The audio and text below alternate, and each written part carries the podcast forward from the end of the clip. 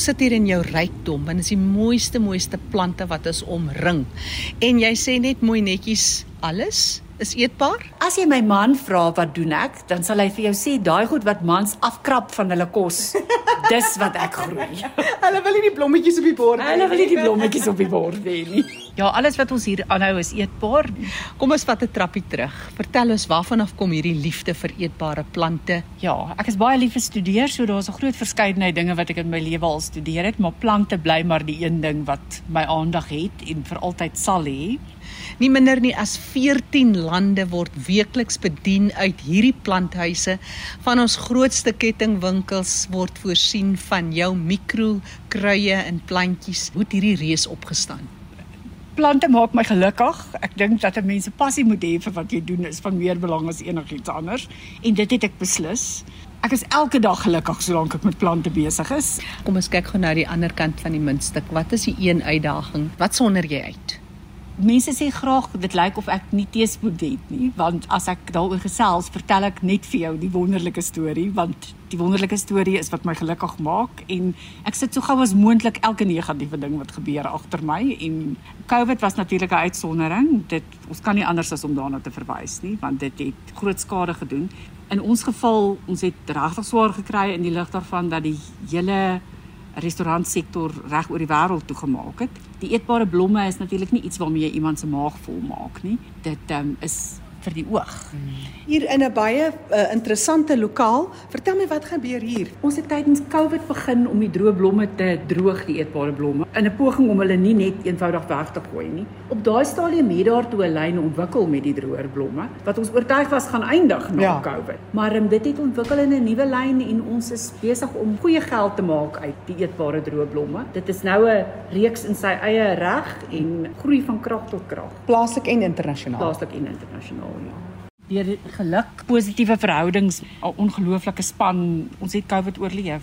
Terwyl ons 'n plan probeer maak het en nie geweet het waar om te begin met 'n strategie nie, was een van ons eerste voornemens dat ons die mense gaan probeer behou en dat ons met hulle ooreen gaan kom dat hoewel hulle nie gaan salarisse kry nie, ons hulle aan die lewe sal hou. Dit was moeilik, maar ons het dit saam deurgekom en uit die aard van die saak het elkeen van hulle hulle bydrae gelewer om te help dat ons oorleef. Ons het nou so lekker gesels en wat die een ding wat deurkom is dat jy's 'n vrou met uithou vermoë. Dink jy dis maar wat dit kos in besigheid ook daai wat jy uit jou persoonlike lewe uitbring? Hoe sien jy besighede deurdruk tot die sukses wat jy het? Ek dink dit is belangrik dat jy in jouself moet glo. Niks is natuurlik van meer belang as dat jy 'n sterk stel mense om jou moet hê, saam met wie jy kan sien om die pad te stap, wat bereid is om jou opofferings te maak, want opofferings is waaroor dit gaan. As jy oor jouself dink, dit kan nie die motivering wees waarmee daar sukses tot gevolg is nie. Deur jouself te fokus op almal anders en seker te maak dat almal anders oorleef en oukei okay is, is wat my aanbetref die manier wat ek dinge doen. Ek rig myself op ander mense en my eie welstand is die gevolg van dat dit goed gaan met die mense wat om my is. Uit die aard van die saak moet mens geld maak. Ons lewe in 'n kapitalistiese wêreld, maar ek sal baie dikwels 'n keuse maak vir 'n ander oorweging eerder as vir geld. Dit is die dinge wat standhoudend is, want dit het die verhoudings tot gevolg wat jou help om te oorleef. So het ek hande gevat met die mense voor my en agter my in in die ketting. Ons het almal saam daardeur gekom. Wat deel jy met vroue wat luister en wat moet deurdruk? Die grootste deel van my span is vrouens.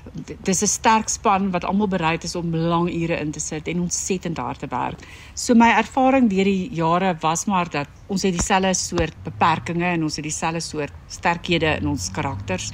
My ondersteuningsnetwerk is uit 'n aard deur die jare die vrou in my huis wat gehelp het om my kinders te versorg en my kombuis sy het 'n groot rol gespeel in die sukses wat mm. wat ter sprake is. Ek het 'n wonderlike skoonma gehad. Sy het my uiteraard ook geleer dat mens uit 'n klein omgewing uit jou bydrae kan maak en jou ding kan doen uit die huis uit. Dat my besigheid toevallig toe nou gegroei het soos wat hy gegroei het en nou op die wêreld verhoog is, is iets wat gevolg het as gevolg van deursettingsvermoë. Persoonlike verhoudings is alles. Ek het persoonlike verhoudings met die verskaffers en met die kliënte. En weer eens, ek sal van baie geld en baie potensiële geld geld wegstap as ek nie gemaklik is met individue in wie se geselskap ek my bevind nie. En dis nie eers iets wat ek twee keer oor sal dink nie, terwyl ander mense nog sal duisel dat ek besluit neem om nie aan te gaan met iets nie. Mm. Dis so eenvoudig soos ek is nie gemaklik nie. Ek gaan nie verder op hierdie paadjie nie. Erika, jy het nie minder nie as 100 mense wat vir jou werk, oor die 100 gewone arbeiders en jy praat van hoogs professionele jong mense. Hoe sien jy die land waar ons is en die ekonomie hoe groei in Suid-Afrika? Ek dink nie daar's plek in die wêreld waar jy kan sê alles is reg nie. En op beouende fokus jy op die positiewe. En daar's genoeg positief in hierdie land om nog te fokus. Almal van ons sal 'n paar dinge wil verander as ons kan en jy sien daagliks dinge wat jy sou wou verander. Maar om aan te gaan en met dit wat jy tot jou beskikking het, die uitdagings te vat en sterker aan die ander kant uit te kom, dit het nog altyd vir my gewerk en ek beplan om hier te bly en aan te gaan om die sonlig wat dit vir ons moontlik maak om die plante hier te groei wat nie in Europa gegroei kan word nie. So ek glo dit is moontlik vir ons om 'n verskil te maak en nog steeds 'n bestaan te maak in Suid-Afrika. Ander redes maak dit moeilik om 'n besigheid in ander dele van die wêreld te hê. Suid-Afrika laat toe dat 'n entrepreneur kan planne maak en eenvoudige besluit maak om iets te begin doen en dis nie asof daar reëls en regulasies is wat jou totaal verhoed om jou idees uit te leef nie. So daar's span sterk jong mense om my wat glo in wat dit is wat ons doen en wat in Suid-Afrika wil bly en sorg dat die vliegtye vlieg. Ons voer uit na 14 verskillende bestemmings, eh, ek wil sê reg om die wêreld. Hong Kong, Macau en Mauritius, Singapore, ons land in Dubai, maar dan van daar af word die produk versprei in 'n verskeie van die Midde-Oosterse lande. Engeland is seker ons grootste kliënt. Um, ons voer die meeste produkte soontoe uit. Ons vlieg 3 keer 'n week Engeland toe en 3 keer 'n week Midde-Ooste toe dan is daar ook 'n hele paar van die lande in Europa, Frankryk, Nederland, Griekeland, Spanje nou ook, Duitsland, so na al hierdie verskillende lande. Daar's 'n ander gonswoord wat gereeld opduik in jou gesprekke, volhoubare ontwikkeling, nuwe produkte. Jy sien die mark groei in Suid-Afrika. Ja, die wêreld wil elke dag nuwe dinge eet. Stel belang in nuwe lyne en nuwe produkte. So daar's vreeslik baie plante in die wêreld wat nie in die verlede ontwikkel het tot die hoofstroom kos nie.